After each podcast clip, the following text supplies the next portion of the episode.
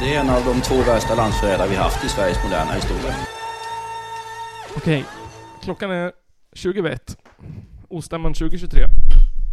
Ehm, Vi är fortfarande vaken Nisse. är fortfarande vid liv. Atomic Tan har vi med oss. I alla fall Tja. en. Tja. Ja.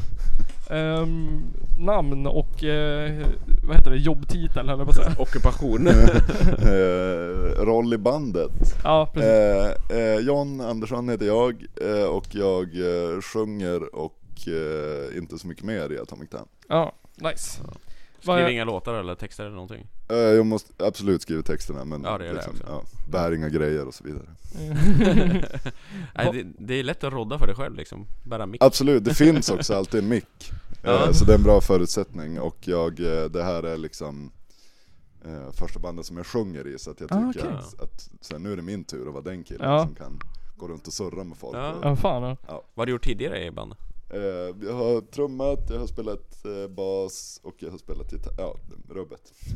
Allt möjligt. Så att säga. Ja, Slutar du vid eh, sång? Eh, nej det har jag gjort förut också och det det, det pågår annat vid sidan av också.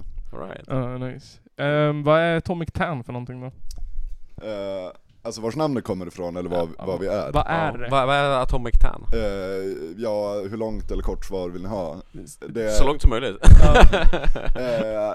Nej men alltså vi är, vi är eh, fyra killar som har spelat ihop i olika konstellationer eh, Och det började väl med att eh, Oscar som lirar bas med oss, som också spelar och eller har spelat i eh, bland annat Lickers. Powerface eh, och eh, ja, lite blandade band när han bodde i Övik och nu har han flyttat då från Stockholm hem till Övik Ja. Eh, och att han ändå kände sig, men fan, ja, vi kör ett band. Han och Mm. Robin som lirar gitarr, barndomspolare och Vittja är så en av få trummisar i Umeå och eh, ja, alla, som sagt, vi har, alla har spelat i olika konstellationer genom åren Ja. och de som de har sagt i en annan intervju och som jag också tycker är en, en väldigt mycket bra berättelse att sprida är att eh, de frågade tre andra och sen frågade de mig och här är vi nu. Det är såhär Metallica typ. Var det inte Eh. de som gick igenom typ 14 Ja, de skulle ha en ny basist ja. Jaha, var det Efter- det? Ja, jag gjorde de, eh, såhär, audition, hade 14 basister, Ja. varav många säkert hade kunnat slåss om titeln världens bästa basist, Ja. men de ville ha en Ja. kille som var väldigt bra på att typ gå ner Ja. i brygga. Ja. Ja exakt, de vill ha en crab guy liksom. Right, innan crabcore var en grej så ville de ha en crab guy. Early adapter som med allt annat Metallica, det måste man ge dem. Ro- Roligt är ändå att de valde han. Alltså han är ju jättegrym basist. Ja. Men han, det är ju en helt annorlunda style, style än liksom vanliga Mm. Metallica ju. Ja absolut, och jag menar vad fan, han har spelat, jag har inte plåtkoll men vadå liksom suicidal tendencies? Mm. Inte, skate, rock, surfer. ja, Metal. ja, vad fan man Ja, nu ska vad fan kalla man det. ska. Men ändå så här hardcore från början. Ja. Ja. Vi, Så det vi, är coolt. jag hittade, jag kommer inte ihåg, vad heter han? Cliff Burton? Jag hittade ett museum, Cliff Burton museet. Ja absolut, i. Småland. I, Ja. eh, nu ska vi se, jag har ju faktiskt eh, pratat med, med innehavaren till det här. Ja, jag jobbade på Till museet. P3. Ja, men jag kommer inte på. Men eh, om ni hellre vill ha en deep cut så kan jag berätta att det finns eh, en konstnär som har gjort en Lars Ulrich toalett. Jaha. Som har såhär Lars Ulrich som liksom gränslar en toaskål, allt i porslin. Det är toppen. Eh, Står go- den där? Googla på Metallica toalett eller Lars Ulrich. Nej det gör den inte. Nej. Men de har liksom så, typ, eh, ja men såhär setlisten från Ja. sista spelningen Ja, och ja. liksom allt möjligt sådär och att de har eh, väldigt drivna de som gör det här museet, att det liksom så, eh, vad ska man säga, Ja men de har nått ut till många och att, Mm. han, säger, och, och att han själv då liksom bland annat sa att så här, jag är ju inte ett fan av Metallica men jag är ett fan av Metallicas fans. Ja, för nice. att de har visat sig asstort engagemang i Mm. hur Ja. och bevara grejer och liksom så här, något trumset som någon spelar, ja men ni fattar, Ja, ja, ja. då har de skeppat över det från USA, Ja. hela den biten. Ja, det var så jävla random att bara ramla på. Ja men det är ju för att han dog där, Ja, jo. Han dog det är ju det där som är ja. hela, Var det och att de- 86 tror jag till och med, när jag Ja. ja jag tror vi, tror vi googlade att det var typ så här fem kilometer därifrån eller något sånt där. Ja right, samma år som. Palme. Ja. Mm. Ja, det var random. Hemskt år. Det enda jag vet om den historien är eh, att jag har hört att eh, bussen eh, som de åkte kantrade ju. Jaha. Och det var så han dog. Och att eh, alla andra så här kröp ut och så såg de Cliffs kropp ligga så här, hälften under och benen stack ut från bussen så här. Uh. Alltså trollkarlen från Oz. Ja exakt, det är ungefär det alltså, det tänker jag mig. Usch vad hemskt. Memes. Jag, jag snackade med någon igår om när jag åkte med bandet Dick Tracy från Luleå i deras ombyggda Ford Transit och att de hade då byggt ett loft, alltså det är en väldigt hög minibuss. Så där hade de Ja. bara liksom byggt upp en plyfaskiva så att det fanns ett loft. Ja. Och att jag liksom körde då en god bit från Luleå och sen bara Kan man sova där uppe? Jag bara ja Ja. absolut Och ligger där och skramlar som en jävla gammal, jag vet inte vad, i en baklucka och så här börjar jag tänka bara Hur fan var det Cliff Burton dog? Snacka liksom att så här, vi måste, nu vill jag sitta fastspänd igen Då kommer det till en liksom, det är så här. Hur var det nu igen? Ja, dog de? så. Ja det är väl också, det hör väl också till myten att de drog, eh, att de drog, och det, det här känns ju absolut som att det är påhittat i efterhand men vi, vi drar Mm. det ändå. Ja. Att de, eh, för att avgöra vem som skulle få the top bank, Mhm. eller hur det nu var, Ja. Så drog de ju ur en kortlek. Jaha. De skulle ha vunnit genom att dra the ace of spades. Ooh. Men det låter som skröna, men jag vägrar kolla upp det. Det, Ja. det hade varit roligare om de typ så här, för att bestämma vem som får toppbank så runkar de Bulle Och Cliff, han kom den, sist Den egentliga sanningen. Ja. Den var liksom Ja. inte lika rockig. Nej, Cliff kom sist i alla fall Ja. Lars kom först i alla fall, definitivt Den, den, Nej vad heter han den här krullhåriga gitarristen? Kirk Um, Hammett tror jag Kirk kom ja, först. Kirk kom först han Inte Han, han ser helt hundra med att gå in i den här diskussionen, men jag, om jag måste flika in något Okej. så är det Kirk Hammett kom först. Ja, vem kommer först i Metallica liksom? Kirk kommer först, Ja. Eh, sen är det James tror jag eh, nej.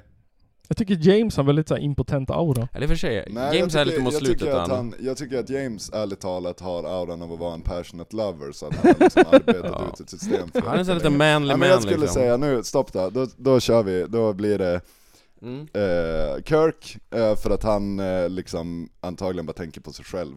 Jag tänker han är att- en pojke och oskuldsfull och så han typ oj oj oj Ja men absolut så, men han är också, han är också, han är också en gitarrunkare. Alltså Ja. bara Ja, det är straight up så att det är Ja. liksom, ja, ni fattar. Mm. Ehm, eh, Lars kommer tvåa. Jag, jag, vill, jag vill bara för min egen skull inte behöva motivera det för att jag vill inte behöva tänka på honom med sin kuk i handen. Nej, nej, nej. Eh, och sen tredje då att, eh, eh, eh, ja James då. men James uppen- tre, ja. Uppenbarligen var ju Cliff sist, om det var så. ja, ja exakt Vart, vart kommer eh, nya basisten? Jag kommer aldrig ihåg vad han heter. Eh, Robert Trujillo Ja. Ja, jag tänker att han är sist också. Ja, Han är också sist tror jag också Ja. Ja. Oförändrad ordning oavsett. Inte, inte för att han är så här impotensproblem, utan mer för att han är en latin lover mm, tror jag han står i krabbgång när han gör det. Det gör han såklart Mm. Ställningarna han kan göra alltså Mm. Krabbar ner liksom Och ligger upp och ner i en soffa eller något Ja. Tog nu konstiga vändningar Om du gjorde. Om du gjorde. Ehm, Tillbaks till ehm, Atomic Tan Ja, tack är ni, alltså skulle ni säga att ni är liksom, är ni från vart? Alltså vi är ju från Umeå. Ja, det är ja. liksom tre av oss bor i Umeå och Ja. liksom när vi repar så repar vi i Umeå typ de nio av de tio gånger Ja. vi någonsin har repat, Så ni- alla fyra typ. Ni huserar i Umeå liksom, Absolut. det är det som är. Det, Ja. det är fan lite Norrland represent, den här Ja, ostämman. mycket faktiskt. Ja, Ja, Många som sagt, jag fick höra att mitt, mycket av mitt mellansnack inte hördes för att det rundade så mycket, men ett av det var ju då att man, att jag tänkte göra en poäng av att vi minns, att vi ändå har kört längst för nu att köra kanske då, vadå 12 minuter Ja. HC liksom, men att fan brinnande busken dyker upp från Luleå och har ändå kört längst och det är alltid så, men Ja. shoutout till dem. Eh, finns det bara kärlek eller finns det en beef mellan Umeå och Luleå? Eh, det finns en, eh, alltså såhär, vi, vi som, fan vi är ju polare allihopa, men det finns, det finns ju stora skillnader på städerna. Ja. På många sätt. Att så här, Umeå är en väldigt utpräglad akademikerstad och Umeå, Ja. Luleå är en arbetarklassstad och liksom Ja. jada jada jada. Så absolut, det finns ju någon sorts Ja. så eh, ett kärleksfullt gnabbande mellan städerna men det är liksom, vad fan, vi är ju Mm. som beroende av varandra. Ja. Rent om man tänker så. Det är ingen sån här aggressiv West Coast, East Coast Nej, beef nej, absolut, liksom. nej, nej absolut inte. Och sen jag menar, det är klart, det finns ju, eh, fan, alltså det finns ju någon sån lite bull schism mellan Raised Fist och Refused i alla fall. Det kommer jag Men ihåg. den är ja. inte så stadsbaserad utan det är mer banden liksom. Eh, och, Det kommer jag ihåg faktiskt, in, in the 90s. Ja men verkligen, det och alltså, det, det har ju inte att göra med, det har ju inte att göra med Luleå vs Umeå utan det har ju bara Nej. med liksom ego mot ego kanske. Mm. Eller, Så hardcore-genre mot också Till hardcore-genre. Dennis försvar, mest från Raised Fist. det. Eh, men, Ja men det var ju eh, två nej, stycken grej- stora. Det jag skulle komma till, att så här, Mm. scenen eh, som finns i norra Sverige är ju väldigt beroende av varandra. Alltså Mm. så här, om, om vi ska få ett band att köra dem är det 60 mil mellan Stockholm och Umeå? Mm. Wouldn't know, men där kring. Det är en ganska lång körning om man Ja. är ute på en turné. Och kan man då erbjuda ett till gig i Luleå som ändå bara är 30-40 mil norrut så Mm. blir det liksom lite rimligare. Så att på det Ja. sättet så är det som, Jesus. Måste vi samverka. Ja, fan. Det, det är långa distanser där uppe. Ja, Ja. Så grannstaden är 30-40 mil. Nej nej, nej, alltså det finns ju städer på vägen och Skellefteå Ja men ta- stora i alla fall alltså. Ja. ja, Vi har ju, vi har ju Gävle och Sundsvall och det är 10 typ mellan Ja. våra. tio. Någonting ja, där. båda är väl mindre än både Umeå och Luleå tror jag, om vi ska Ja, De är det? kan jag tänka mig. Jag tror det. Alltså Luleå är inte... Sundsvall är ganska litet. Gävle Umeå är tror jag är stör- ganska Umeå är stort. ju störst i Norrland och så Mm. Är det liksom... såhär 100 000 pers stad? Ja, plus. Ja. Det är det? Eh, nej men alltså över 100 000. Mm. Och eh, Ja. Luleå har jag ingen koll på, men det är Mm. mycket större än man tror. Vad tycker ni om att vi här nere kallar oss för Norrland då? Eh, Vi är i Hälsingland nu, Ja. det här var en diskussion som kom upp i bilen ner. Eh, och eh, jag säger så här att om en hälsing säger jag är norrlänning Ja. så säger jag det, det är du absolut. Men om någon som är från Gävle, eller vi är i Gävleborgs län nu, men Ja. om någon är Ja. från, vad säger vi, Gästrikland Ja. blir det? Ja. Jag är skeptisk. Ja. Men Ja, det är faktiskt. liksom, Jag- nå, någonstans också, Jag tycker ändå att man kan såhär, dela in det, jag tycker ändå så här att vi kan dela in det i mittersta Sverige typ. Alltså det här är ju södra Norrland. Ja men ändå. Ja men jo absolut, och det är liksom, men, men det är på, jag, jag, kan, på motivera, gränsen. jag kan motivera det. Mm. Eh, Gävle som stad, nu liksom, jag höll på att säga några av mina bästa vänner är från Gävle, det stämmer inte riktigt men så här. eh, Det finns toppenfolk från Gävle, många har flyttat därifrån och liksom de har ändå, det är ändå en stad som på många sätt är toppen. Ja. Men Gävle som liksom enhet eller vad man ska säga kämpar ju väldigt mycket för att bli en förstad till Stockholm. Ja. Mm. Och det är det fan ingen här som gör. nej. Nej. Och nej, så här, Hälsingland, om vi ska vara ärliga, är det så jävla kul att bo här? Hjärtligt välkomna. Alltså, säkert så här. ni har säkert också baxat, eller så här, våra förfäder eller vad fan man ska säga, har Ja. också baxat asstora stenar. och typ dikat ur en mur, myr och liksom så här, ja ni fattar. Ja. Det, det var och Ja. är tärt, även om så här, ni har de här fina husen för att Mm. ni sålde en massa smör. och att ni får hamna på Unescos världsarvslista för att bara, någon bonde bara, eh, men fan, kan man inte bygga ihop laggorn och liksom huset? Och bara, varför skulle du göra det? Jag bara, nej men jag har förstått att drängarna liksom, jag vill bara hålla koll, det verkar hända grejer där och jag har inte pallat titta men så här, av någon anledning så känns det bara tryggare att det är lite närmre så att det inte Ja. Alltså, Ja. saker ja. kan ske i skymundan. Det är tidelag jag skojar om. Alltså de var ganska dumma i huvudet här uppe förr i tiden. Alltså ända in på typ slutet på 1800-talet, början på 1900-talet. Så det finns ju massa gårdar här omkring och de är så Ja, ja. jävla stolta över dem. Per Ols och allt vad de Ja. heter. Ja, gårdsnamn. det är- Visste ni att majoriteten av Hälsingegårdar ligger utanför Hälsingland? Ha? Kanske är det. Mm. Berätta mer. Äh, ja, det Du var, vet inte mer? Nej men det, det var, vi var med någon, vi var med någon klass eh, på någon rundvandring om. Hälsingegårdar och han var expert. Han var satt i något Hälsingegårds ordföranderådet eller någonting. Han berättade att majoriteten ligger utanför Hälsingland. Alltså så att de ligger så i Dalarna och i Jämtland eller? Ja, så runt. Jag vet, det vet Och jag kallas. Hälsingegårdar Ja. Hmm. Eller jag var ju på någon sån här äh, grej med en klass också. Ja. Och det, det jag uppfattade då var att, fan vi var ju dumma i huvudet vi. Mm. För typ så här, början på 1900-talet så sängarna var jättesmå. Mm. Om man kollar på dem. Och jag tänkte typ såhär, men Mm. folk var väl kort förr i tiden. Så var det. Tänkte jag, och men så, så säger de bara, nej för att folk låg inte ner och sov, utan de satt upp och sov. Vet du varför? Ja, för att om de ligger ner så trodde de att vätskorna i kroppen skulle blandas om de skulle få pisshuvud. Det är toppen. Jag har hört en annan grej. Hör du? Eh, och det är att det, fann, det fanns en, eh, en så bondeföreställning om att om man låg ner och sov så var man död, så då kunde döden liksom råka föra en vidare till Råkar andra bara, det, sidan. ska med mig. Och att, ja men liksom så, så att man liksom mer satt upp och sov. Att man hade Ja. baxade upp mycket kuddar så att man kunde liksom komma fram. Det här är radio så det spelar ingen roll att fram. Men, eh, eh, eh, och att man ofta hade liksom luftvägsproblem för att eh, ja, det var jävligt förr i Ja. tiden. Mm. Gulsot och grejer. Ja, liksom lättare att hosta när man inte låg ner. Ja det kan jag köpa. Det är den enda så här resonliga så här, anledningen jag kan tänka mig. Men För allt annat fan. är ju lika dörpigt liksom. Men det typ, det är såhär. så jävla-. För typ såhär, Ja. jag kan inte ligga ner för ifall döden kommer att ta mig för att han råkar missta mig Men- för en döing. Ja, nej men äh, alltså att folk var dumma i huvudet förr i tiden, men också smarta.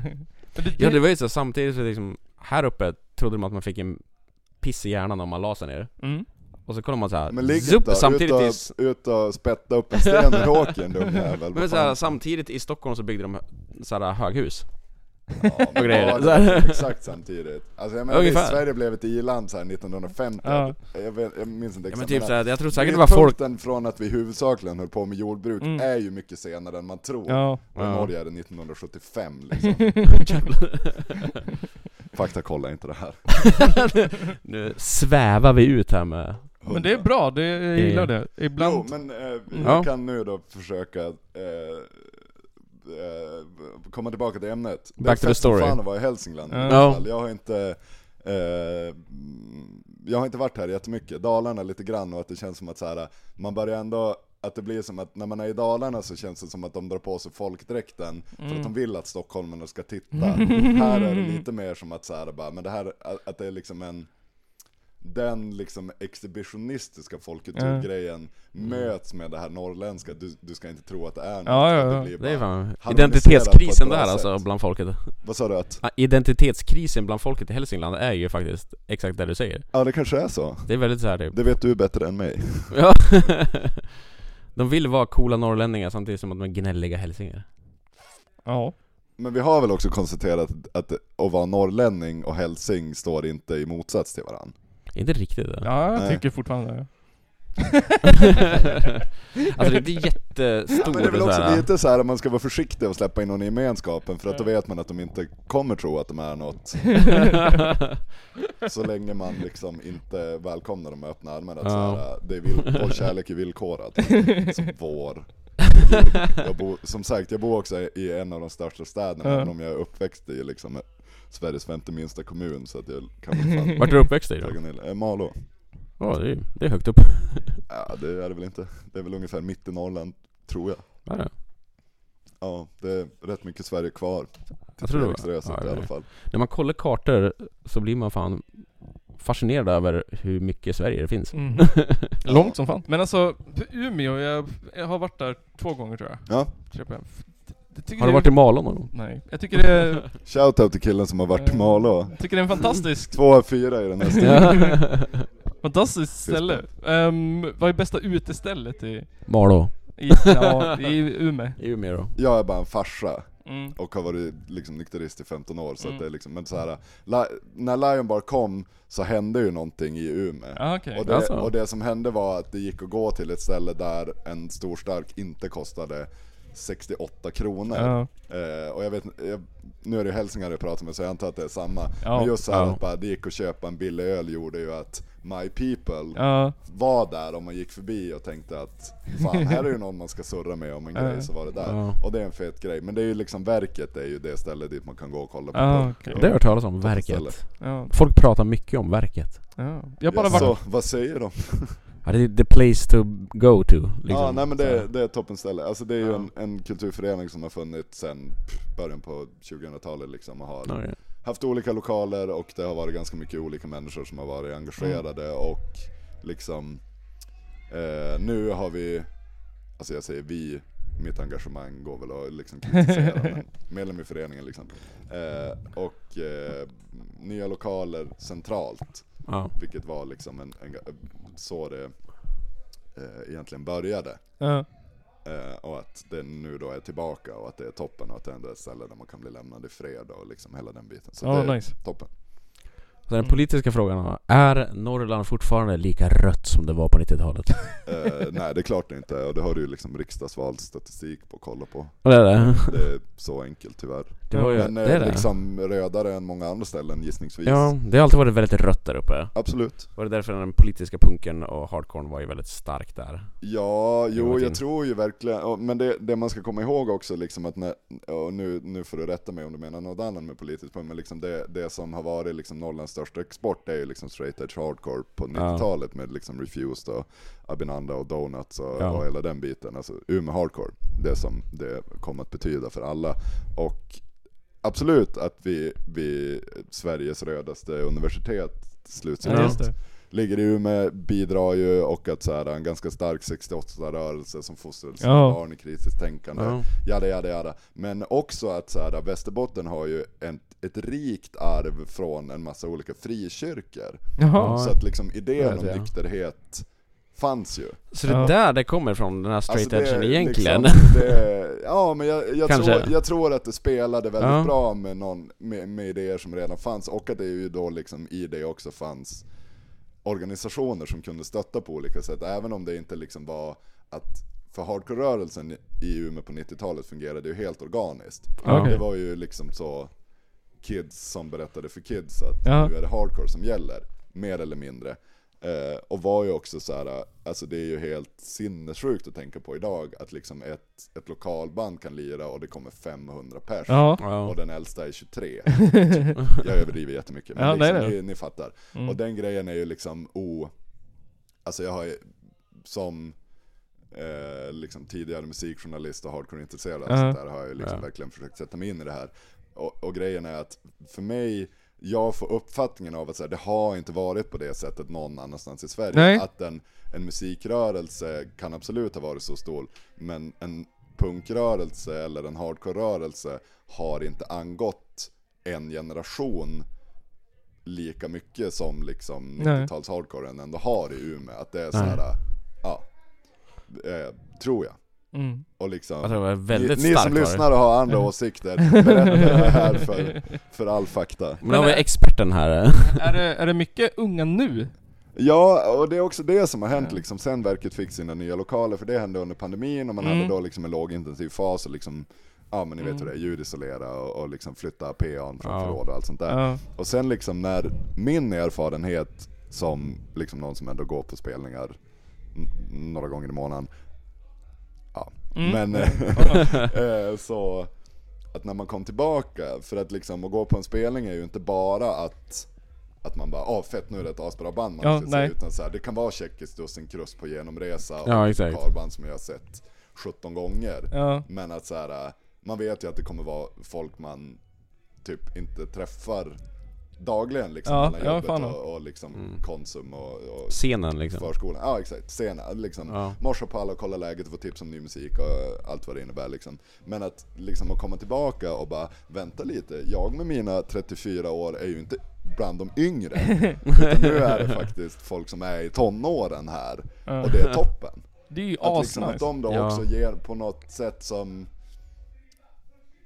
man inte helt och hållet förstår har hittat punk och hardcore lite på egna villkor. Ja. Och Ja. att det är liksom att så här, det är klart det är så det måste gå till Mm. på något sätt. Att så här, något som liksom män och kvinnor i liksom övre 30-årsåldern håller på med, det är Mm. ganska svårt att få appellera till yngre människor. Och det är exakt så det ska vara. Ja. Men liksom, att det då händer så att man också börjar känna att så här, bara, ja men nu nu kommer det här att fortsätta, Mm. känns fan toppen. Så shoutout till Mm. Repulsiv Röd, Analprolaps, allt vad de heter, Ja. de nya Umeåbanden och alla som bara dyker upp för att Analprolaps alltså. på band. Ja, Är det band? eh, jag blir osäker nu, jag har, jag har grävt i det här, jag tror att det är ett ord. Ja. Eh, Det sitter är också ihop så här, liksom, du, du tror ju att det här är bajspunk, men det är typ så här väldigt kompetent hardcore bara. Jag tänkte om det skulle vara så här Anal cunt möter Ja, ja, visst, Gunner absolut. Skip Jo, Plan jo, ungefär. jag, jag sa bajspunk bara för att inte säga porrgrind liksom. Men det är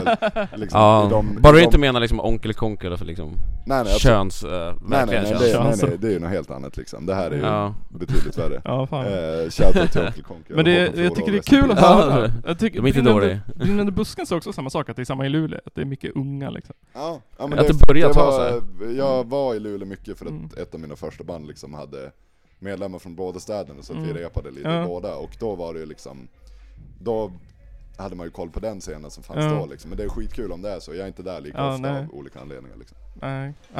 Alltså, det här är ju bara, vi jag vet inte, det har kommit upp i alla intervjuer typ om, om kommunen versus, du vet, föreningar. Ideella föreningar liksom. Ja, ja. Men eh, i, i Hudik som ändå är såhär, det är väl ändå en ganska såhär stor grundsten i punken liksom.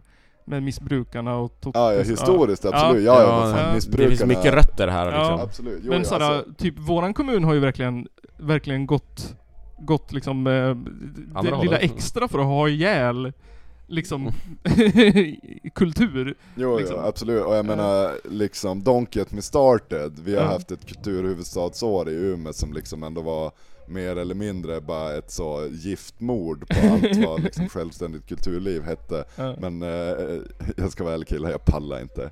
Jag pallar inte köra den grejen för 30 gången. Men så liksom, nej absolut. Och det är liksom, jag tror att det bästa är att det får ske på egna villkor Ja. utan krav från liksom ja. den typen av organisationer. I den mån det går och liksom, det stöd man kan få av rätt personer är ju toppen. För liksom, Mm. det, är inte, det är inte great att så ligga back 10 lax ja, nej. ur egen ficka Nej. och hela den biten. Men liksom, det som går det går och studieförbund ger ganska mycket Ja. autonomi till ideella musikföreningar också. Ja, de är grym. Så liksom, låt oss bevara den biten som Mm. ändå känns som att den är hotad. Ja. Eh, vilka, var det som var från Dalarna? Um, Speedgrunter. ja, Ja, Speedgrunter. Ja, precis. Eh, de hade ju, de hade ju Sabaton.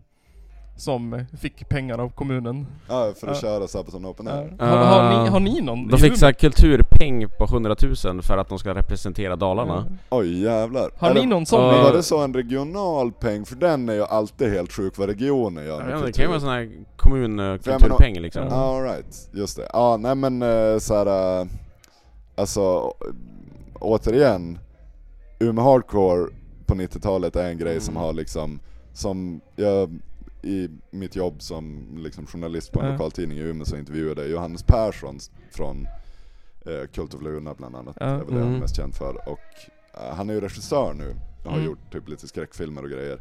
Och håller nu på med en kortfilm om Skanbränderna som alltså är liksom Mm.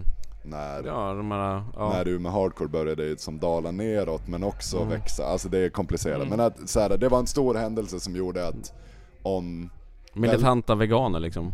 Ja, den hela den grejen blev en Ja. grej och liksom för, för er som inte lyssnar som har koll på det så här, Det var ett attentat där man brandbombade tre lastbilar som totalförstördes Ja. på parkeringen till ett av Scans slakterier i Umeå Och det, det lät sig höras ut i Sverige och Jaha. fan världen Men så här, och det gjorde också att väldigt många började få upp ögonen för det som hände i Umeå så att som Mm. som Johannes sa då, att så här, man skulle ju kunna kalla det ett av världens mest lyckade terroristattentat. Ja. För jag menar det, det gav luft till någonting. Ja. Och även om det så här inte liksom det är ju inte som att man liksom vill nödvändigtvis försvara den typen av metoder och allt sånt där Men det enda man kan konstatera är att det hade den effekten att väldigt många fick upp ögonen Ja. Både för djuret och för liksom hardcore-scenen och att den Mm. spreds ja. Eh, Refuse gjorde mycket med det där. Ja det finns De, mycket de bra var väldigt politiskt de på det här sättet. Ja jo verkligen De drog ju också också så mycket här- så här ögon till sig. Absolut Väldigt outspoken liksom så här. Ja verkligen, och la ju också ner inte många år därefter i någon sorts Mm. bara implosion som är rätt invecklad men Ja. Intressant story är det. Ja jag tänker att det här lär ju vara ett helt avsnitt för er Ja, det, är det här. En snabb fråga om det här. Hur eh, besviken vart du när Refuse började spela igen? Eh, Jag snackade faktiskt med någon om den här kvällen tidigare Ja. eh, och liksom jag minns så jävla mycket att jag surrade med någon gammal räv om det där och att bara, det kommer aldrig hända. Mm. Alltså hur mycket pengar de än slänger fram så liksom så här, David kan inte trumma igen. Nej. Liksom, det är hans handleder paj för att han liksom slogs med hammare hela 90-talet. Ja nej fan det låter väl, det kanske aldrig kommer hända då. Klipp till en vecka senare. bara, Guys, it's happening. Och hur det gick till var ju så här, för det var ju att bara, ja men de ska lira på Coachella liksom. Den stora showcaset för hela musikindustrin. Och de har ju liksom erbjudit större och större summor pengar Mm. för att göra den här återföreningen. Och eh, gör det då Första var på Coachella alltså? Nej nej nej, Nej. det är hit jag vill komma. Ja, Första sorry. officiella var på Coachella, men eh, det var ett gig på ett gammalt ställe som hette Skarinska i Umeå som var liksom en så krog som hade, ja men musik, så, en rockklubb kan man ju kalla det. Ja. Mm. Eh, och att en kväll så bokades då några så aktuella band i Sverige, så hardcore punkband. Eh, UX Vileheads bland annat, Hårda Tider, flögs upp från Malmö. Och eh, var och är ett stort Hårda Tider-fan. För Mm. att det de håller på med är fett äkta eller vad Ja. fan man ska säga. Fan. Ja, diggade som fan. Ja. Eh, och att eh, de, där, när då affischen till den spelningen skulle göras, så är det då omslaget till Refuseds första demo. När de Mm. alltså hette re-fused. Ja. Ja. Eh, och eh, det var ju som att, för snacket hade ju gått. Alla visste ju att de Mm. skulle göra ett oannonserat gig, för grejen var ju att i och med att de var kontrakterade att göra sitt första gig på Coachella Ja. så kunde ju inte de annonsera en spelning, Ja, vilket ju det. också hade Ja. fått folk att balla ur i hela världen Ja. vad det verkar. Men att det var liksom så här, ja, men jag vet inte om det var typ 200 biljetter och jag lyckades ordna ett eh, så, eh, så gästlista för att jag bodde med en snubbe som spelade i Torbjörn i UX. Ja. Shoutout om du lyssnar. Cool. Eh, och eh, skämdes ju som en hund när man gick förbi alla polare som köade. Men liksom, jag ville titta, vad ska jag säga? Ja. Eh, för det var ju det att liksom så här, snacket hade gått så att det var hur många som helst som ju ville se det här. Och det var ju liksom både så gamla rävar, eh, liksom folk som fortfarande var i scenen men som kom in då och liksom folk som bara har hört talas om det. Och folk som hade liksom åkt dit och jag kan tänka mig att det fanns historier om folk som hade liksom så här flygit över från USA och ändå Säkert. var tvungna att stå och kolla in genom Ja. från en snödriva utanför liksom. Eh, och det var fett. Jag kan inte säga Ja. något annat liksom. Alltså jag, jag tyckte att det var toppen att se dem. De var, de var så här tajta fortfarande liksom. Ja typ. men och lite, och jag menar grejen också med Refused är att så här, det är ju, det är ju, det är ju ett band. Men de Mm. har också bytt så jävla mycket medlemmar att så här, det är inte som att du kan som Ja. med vissa band, typ Sabbat för mig, att så här, bara, det finns en originalsättning Mm. och om inte de fyra är med, då är det inte samma band utan de har ju varit som, det är Ja. som om man ska snacka lite på deras termer, i någon sorts situationistisk anda som de höll Ja. på med. Det var en plattform. Här, om inte Dennis och David är med så skulle det bli konstigt. Ja. Så de var ju med och så hade de ju liksom olika som ändå har varit med längs vägen från början. Ja. Eh, och det ja, var de toppen. bytte liksom typ såhär Per ja, låt men eller? de, jo men folk byttes ut lite Ja. med tiden och det var väl också Alla utom Dennis då antar jag? Ja, nej nej, och David var ju också ständig liksom. Han var det? Eh, och det var, alltså så här, jag är ju för ung för att ha sett dem i deras prime men så här, Mm. som spelning betraktat var det en toppenkväll och det var också kul att se typ så här, någon lärare från universitetet som Ja, ja, det är det. koma shoutout, liksom bli barn på nytt lite grann. Ja. Ja. Att så här, det, var, det var en jävligt kul kväll att bevittna och den här känslan av att bara jag är med om något som Ja. ett, ett, bara är förunnat ett fåtal Ja. vi faktiskt får se Refused Historiskt också. Sen 1996 Ja. När de också giggade för sista gången i USA som jag minns det. De Ja. gjorde aldrig Ja, ett så exakt. hejdå-gig i Umeå, mig Mm. veterligen. Men Nej, de släppte en skiva bara Ja precis, skivan kom ju sen men det Ja. var ju för att de var kontrakterade att göra Ja, exakt. Men den var ju klar också. Ja. Eh, som jag fattade. Men eh, okej. de gjorde ju sån stor grej också om man tänker på I och med sitt Bränna alla såhär bilder, hela den kommunikén. Ja typ såhär 'Refused are fucking dead' grejen Jo ja, absolut. Att Nej, liksom, det vi kommer ju- aldrig spela 'We are fucking dead' Ja det, det, Och sen så bara- det är ju också till Du vet såhär, hur mycket erbjöd Coachella egentligen? Det är den intressanta siffran ändå För liksom typ, hur mycket kan de ha erbjudit för att Dennis till slut sa ja och David sa okej då Ja, alltså Det måste vara minns, så minns många miljoner. Inte siffran, och det man ska tänka på om man också kollar upp den här siffran är att så här, det är ju vad man får totalt. Det är också resa och liksom sådär. Men ja, det är en ohemul summa pengar Ja, som liksom jag gladeligen hade betalat Coachella hade låtit Coachella betala mig för att återförena vad Ja. fan som helst. Liksom. det jag inte hade gjort för den summan pengar har jag inte tänkt prata om liksom. det måste vara mycket Och att så, ja ja, absolut, så liksom flera årslöner för. Och liksom jag, jag vet inte vad jag ska säga liksom att så här, visst det är ett högt spel att säga att man är fucking dead. Men till det, jag vill, jag vill bara lägga Mm. till en grej Mm. där att så här, det är ju inte ett statement som som egentligen helt går att tillskriva Refused, utan det bygger ju på en referens till Born Against, ett gammalt så New York Ja. hardcore-band som var liksom eh, inte så New York hardcore som Agnostic Front och Chromax, utan Nej. mer så squat-scenen som fanns, Okej. eh, som var väldigt politiska och så. Eh, de gjorde ju, de hade ju en beef med, ja vilket band det nu var, eh, som, säg att det var, jag säger att det var Psykoviral så har jag sagt någonting, det var typ det. Ja, Och att de då liksom har något fan som talar in ett meddelande att bara såhär, äh, Born Against ska inte hålla på och fucka med mina killar. Born Against are fucking dead. Och de gör en låt Mm. eh, med den textraden så att den är som lånad därifrån. Och det Mm. Ah, tycker okej. jag att man ska komma ihåg att det är ett, ett så bold statement av den anledningen. Ja, det var en intressant anekdot runt själva meningen. Ja. Ja absolut. Läs eh, eh, Gabriel Kuhns bo- bok Sober Living for the Revolution, tror jag om du vill veta mer om det här. Okej. I alla fall om. Born Against och Refused och hela den biten. Men är inte det en sån här Mm. grej för vissa band att de så här, håller på och örsar om att de ska lägga ner och aldrig mer ska spela igen och sen spelar de igen och typ Ja men lite så Lex. Kiss, att så här, Ja. Ni borde fatta att folk inte tror på er efter Ja. 30 Men någonting år som är- Farewell Tour. Men har inte, har inte Kent gjort en grej nu också? Ska inte de spela igen? Ja, Nej, nej. Jocke Berg har gått solo, det är Ja. skillnad. Men Ja, det, det trodde jag inte heller folk skulle hända, så det var en, en Men det som är mest tydligt är ju Gyllene Tider har gjort sju avskedskonserter, Ja. alltså turnéer typ. Ja, fuck Tio dem. kanske, femton kanske. Alltså Fuck de- dem oavsett vad de gör vill jag Ja. också betyda med. Nej men och, och, och, och det med, med Refuse liksom också att så här, de ändå, ja men inte fan vet jag. Någonstans kan jag känna att så här, det finns jättemycket kritik mot det här. Som Mhm. är rimlig. Mm. Mm. Men liksom därifrån jag tittar så är det också så här. det här är ju barndomsvänner som blev så osams att de i princip inte pratade med varandra. Ja. Men att så här, det ändå kunde till slut liksom Ja. de, ja men att göra en ny platta, jag menar de bråkade ju som fan efter att de hade återförenats. Gjorde de? Ja, ja herregud, vadå? De fick ju det här exportpriset som någon, en av, säg att det var Jon Brännström så har jag sagt någonting.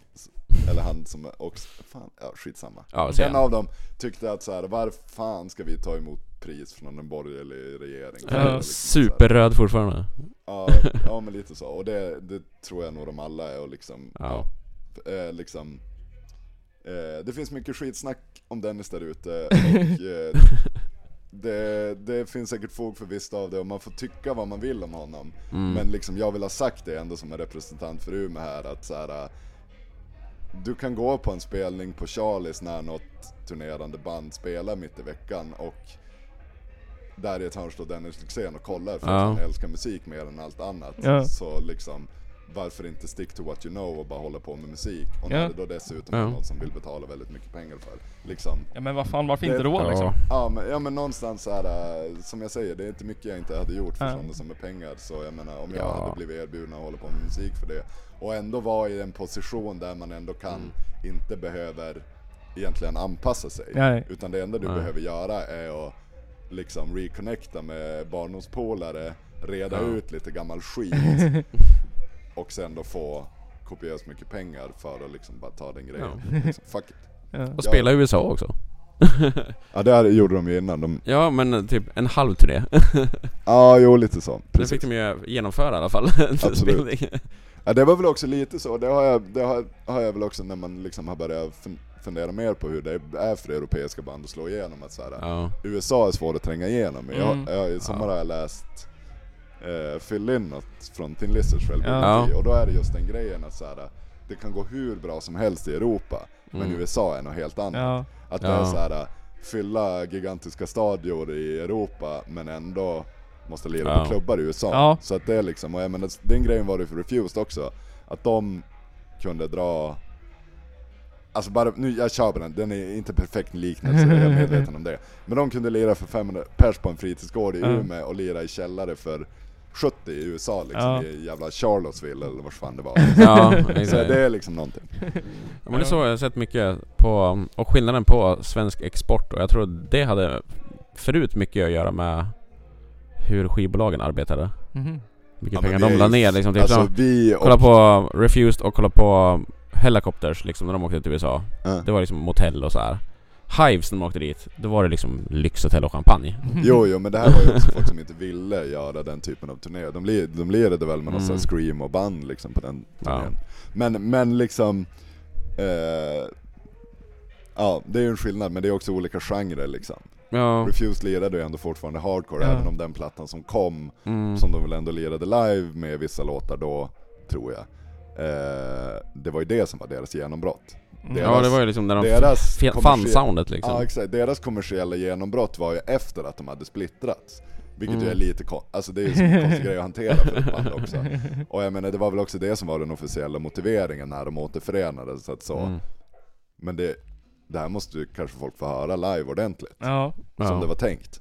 Ja, you know. ja de spelar aldrig med sista liksom Shape of Nej nej nej, Came alltså, liksom den fanns ju inte. Nej, Den var inte Weird. klar för att den processen tog fruktansvärt lång tid. men det är jävligt bra skiva När, när jag jobbade på Sveriges Radio så var en av ljudteknikerna, Eskil Löfström, en riktig jävla hundragubbe ja. eh, som var med och spelade in den och Jaha. sa ju det att ja, det var speciellt. Och, och liksom, så- blygsam norrlänning som inte liksom, men att säga, det, var, det, drog- det drog ut på tiden. Han måste ha haft stories. Han har ja stories. det måste han ha alltså Bråken i den studion vill jag höra Ja, framför, ja men att det var också så här att de inte ens var i studion samtidigt för att de var så jävla osams. Men Det bara la liksom, delar liksom Ja men lite, ja men typ så, att det fanns en Ja. tomma partier för att ja, här ska David göra någon Ja. technogrej sen. Ja. Men vi får se när den kommer. Klipp och klistra liksom. Ja, Alltså det är, ju, det är ju faktiskt en jävligt bra skiva också Ja. Det är jävligt bra Vilken? Sista, sista skivan Vilken av dem? Alltså vilken av låtarna?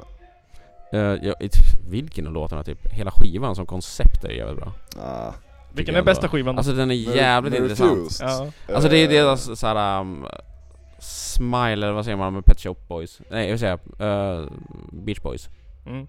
ja, det är- Pet Sounds? Ja Pet Sounds var det va? Ja, det var den nej, sista Nej, nej, nej. Nej. Alltså, eh, såhär, de bröt ny mark och det är bra, Mm. men liksom det är ju också plattan som födde nu metal mer eller mindre. Jaha. Ja det, är- alltså, Men det kan man inte, alltså Ja, ja, nej, alltså jag, jag, alltså så här, liksom, eh, jag lyssnar på hardcore så liksom det är ju Pump the Breaks eller Everlasting EPn Mm. eller This just might be the truth, det är ju liksom den biten som Mm. är bra med Refused.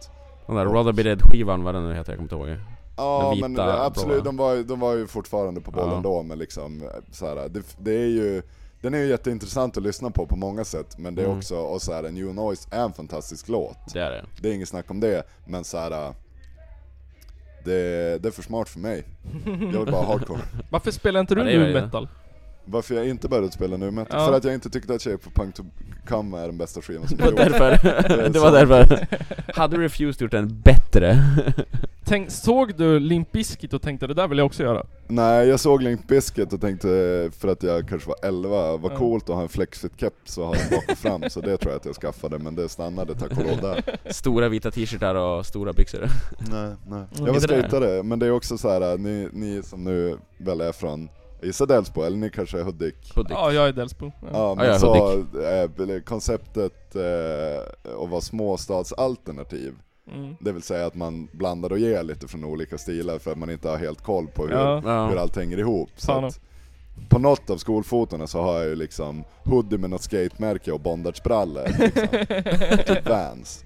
Så jag menar det är ju det, man blandar och ger. jävlar vilken trendsättare du var alltså Eh, Så där ser ju varenda hiphopare ut i USA nu Har de bondagebyxor alltså? Typ All right. Den är Alltså pyjamasbyxor har jag sett, men det är ju inte som Ja. dragkedjor och grejs. ja, men det, är, det är till och med så här läderbrallor liksom Ja. Tajta jävlar Ja, det, Häng som fan det är svårt att hänga med i mode, Ja. let me Ja, det är det Va, vad, Pushas vad i liksom, vad var den första musiken som du riktigt så här uh, utsattes för som du verkligen, när du liksom upptäckte musik? Inte Ursäkta mig, men är inte det här en intervju med Atomic Tan? nej men nej, absolut, om det, alltså jag är här själv, det får handla om mig hur mycket det vill. ja, Nu är det om dig här nu Ja.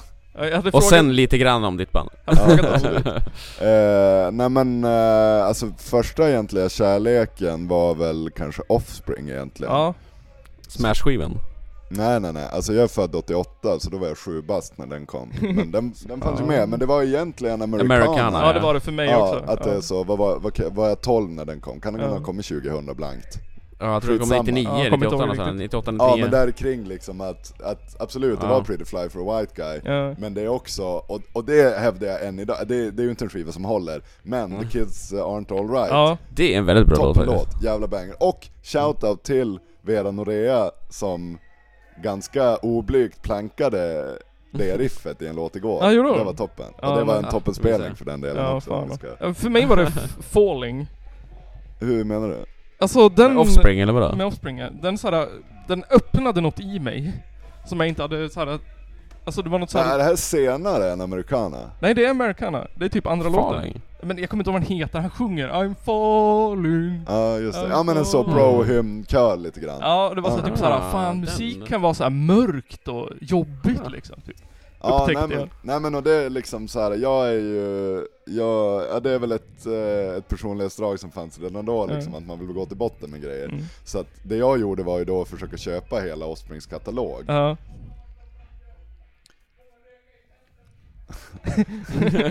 Jag tror att de lyssnar på ODZ här ute, och är det inte ODZ så låter det då fan som ODZ. Ja, det är väl det är väl speciellt. Wolfspitz just nu va? Ja, fan. Ah, okej. Men alltså, har vi frågat vad, vad Atomic Tan, vad soundet är på Atomic Tan? Alltså vad är det för... Eh, funny you should ask. Eh, För att liksom, jag har ändå tänkt att så här, vi spelar väl hardcore. ja. Eh, det är väl inget mer med det, men att nu när, när eh, Robin reggade ett Instagram-konto bara för att kunna kränga våra demos, ja. som typ är slut, eh, obskryt. Eh, Det får man göra. Vad är det? Fan, kassett. Please. Eh, I alla fall inte en CD-skiva. nej, Ja. nej precis. Nog om det. det här är en diskussion som har haft i bandet, typ, eller som har i alla band hela tiden. Men eh, så liksom... ehm, eh, ja men reggade det så var det liksom så här, du kan ju inte bara heta Atomic Tan liksom, Nej. så smart är ju inte vi att vi har valt något helt unikt. Så då körde han på en D-beat. Jag bara, alltså vi spelar käng, ja fan det kanske vi gör. Så jag vet inte, alltså jag tycker att det är, så här, för mig är det hardcore men käng är det ju också Ja. absolut. Det är ju D-takt och det är liksom, Ja. ja. Så det hade kunnat vara, det, det är ju inspirerat av så totalitär Poison ID, alltså hela den. Så att jag menar, Ja. käng eller hardcore det är skitsamma. Det, Eh. Jag tycker att det är toppen. Ja. Vilken är, er, eh, vilken är den bästa låten ni har? Eh, det är den, för mig... det är låten Day Still O från vår demo för att det är den låten jag alltid kommer ihåg texten till Ja, när vi nice. repar. Eh, nej men eh, jag, tycker, jag tycker att det är ett jämnt skägg och jag tycker att Robin och Oskar som skriver liksom musiken gör det jävligt bra, att det är mycket dynamik och att de, de kan den, re- att jag inte ens behövde säga att så här, det viktigaste om man nu spelar käng är ju att det ska finnas solida fyrtaktslåtar. Ja, ja. Det är skitviktigt. Mm. Alla som spelar käng som hör det här, glöm inte bort att alltid ha, om ni gör en, en, en tolva, en fyrtaktslåt på A-sidan, en fyrtaktslåt på, på B-sidan. Åtminstone, det är toppen. Kör hårt.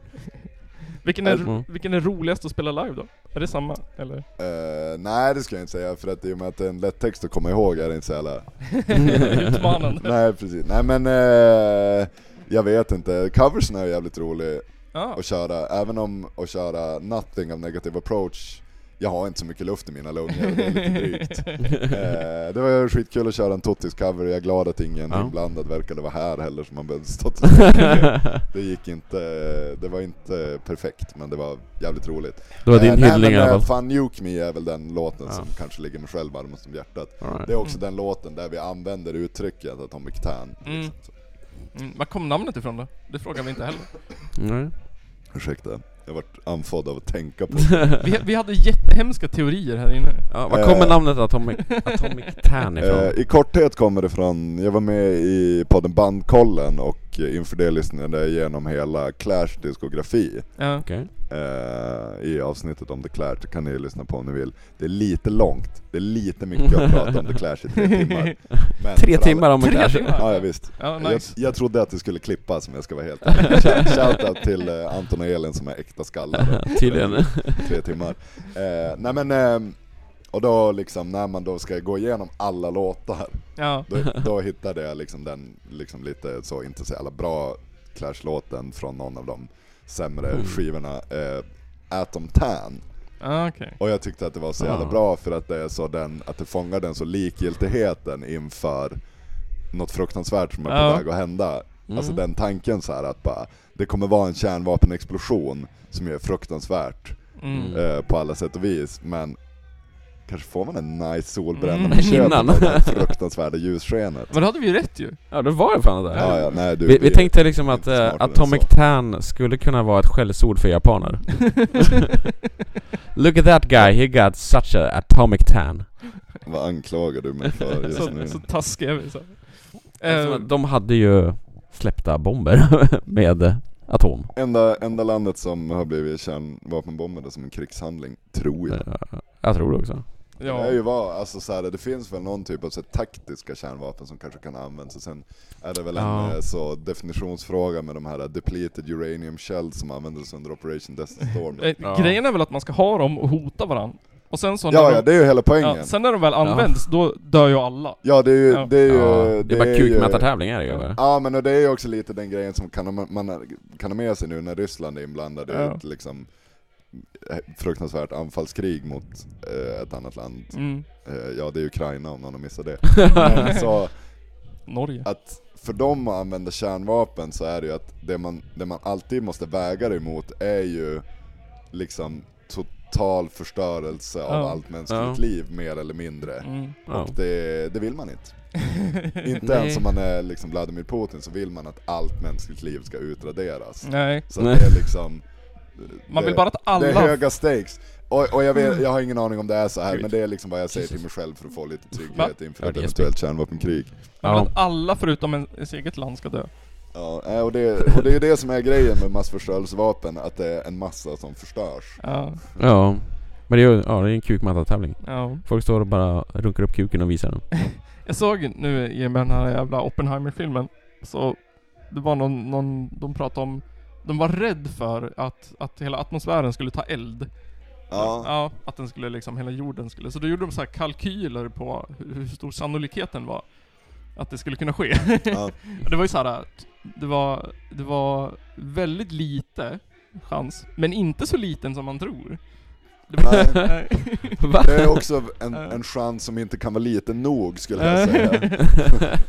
Eh, nej men och liksom, man måste ju sjunga om något. mm. Det går ju inte bara att skrika rakt ut, även om det är det man gör när man har glömt texten liksom. Men, men så, ja, jag vet man får ju bara testa något och det har väl blivit lite så tema, tema jordens undergång och psykisk ohälsa vis. Men det är också så här, alltså liksom, min syn på det är ju att liksom, ja, jag vet inte hur mycket jag pallar gå in på det egentligen, men att så här, det är väl den enda grejen som faktiskt skulle drabba alla Ja, fan. lika, alltså så här, och det är väl någon, Ja. det är väl en idé som kan i alla fall ge en lite tröst inför en liksom stundande katastrof. Mm. Att så här, ja men som det är, att hela världen förstörs i ett kärnvapenkrig.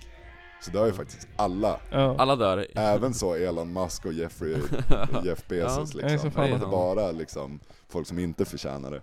Nej.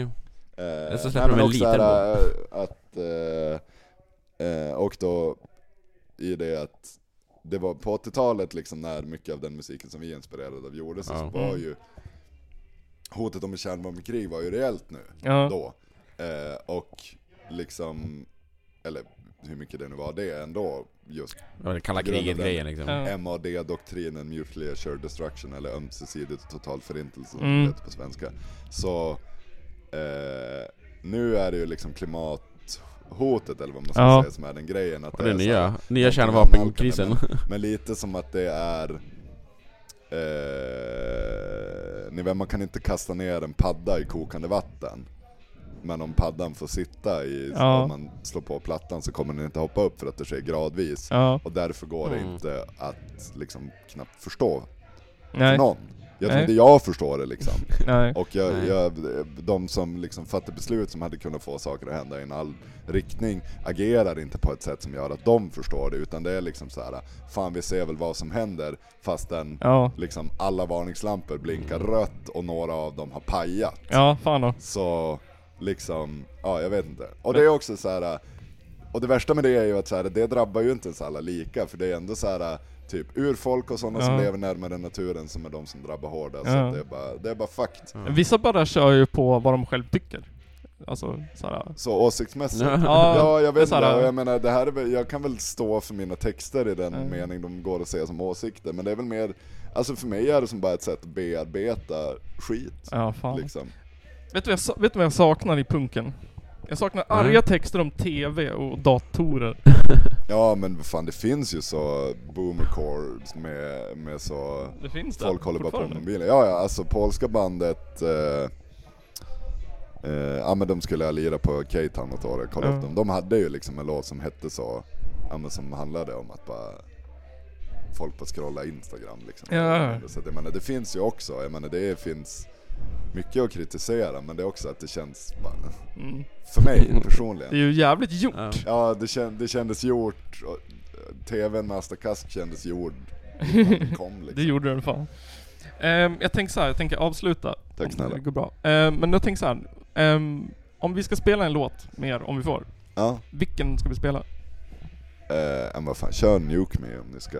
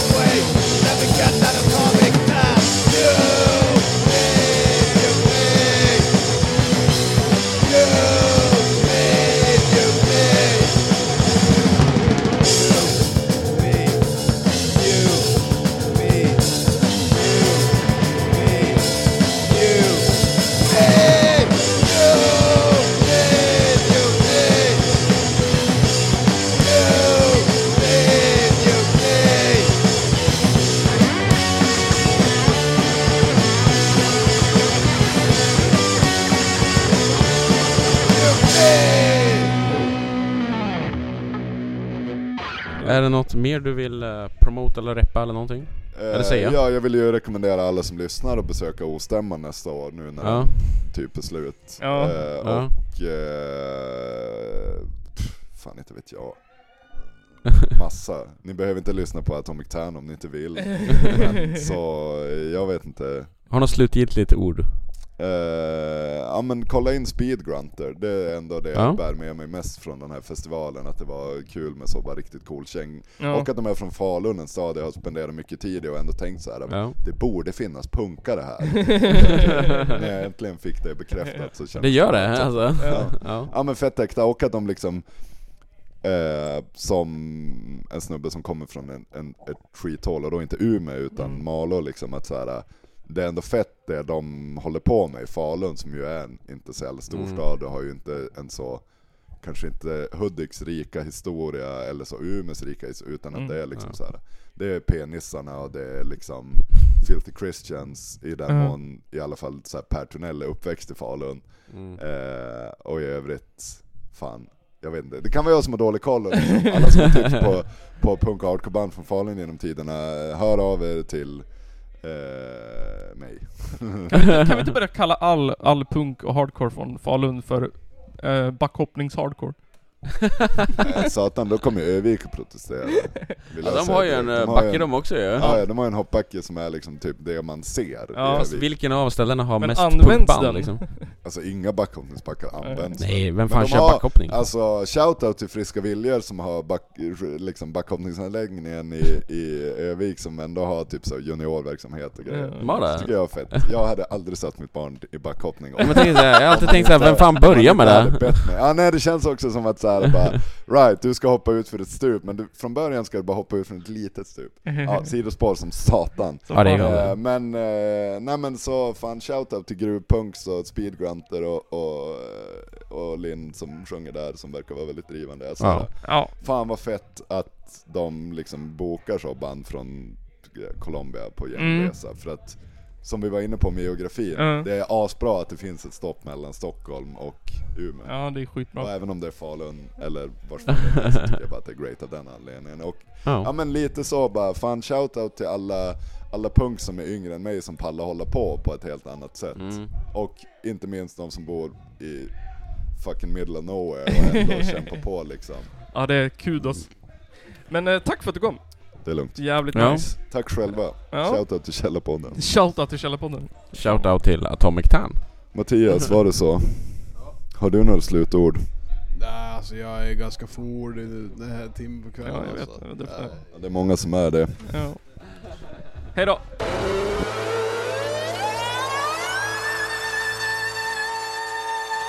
Det är en av de två värsta landsförrädare vi haft i Sveriges moderna historia. Ladies and gentlemen, it's the Caller Podcast.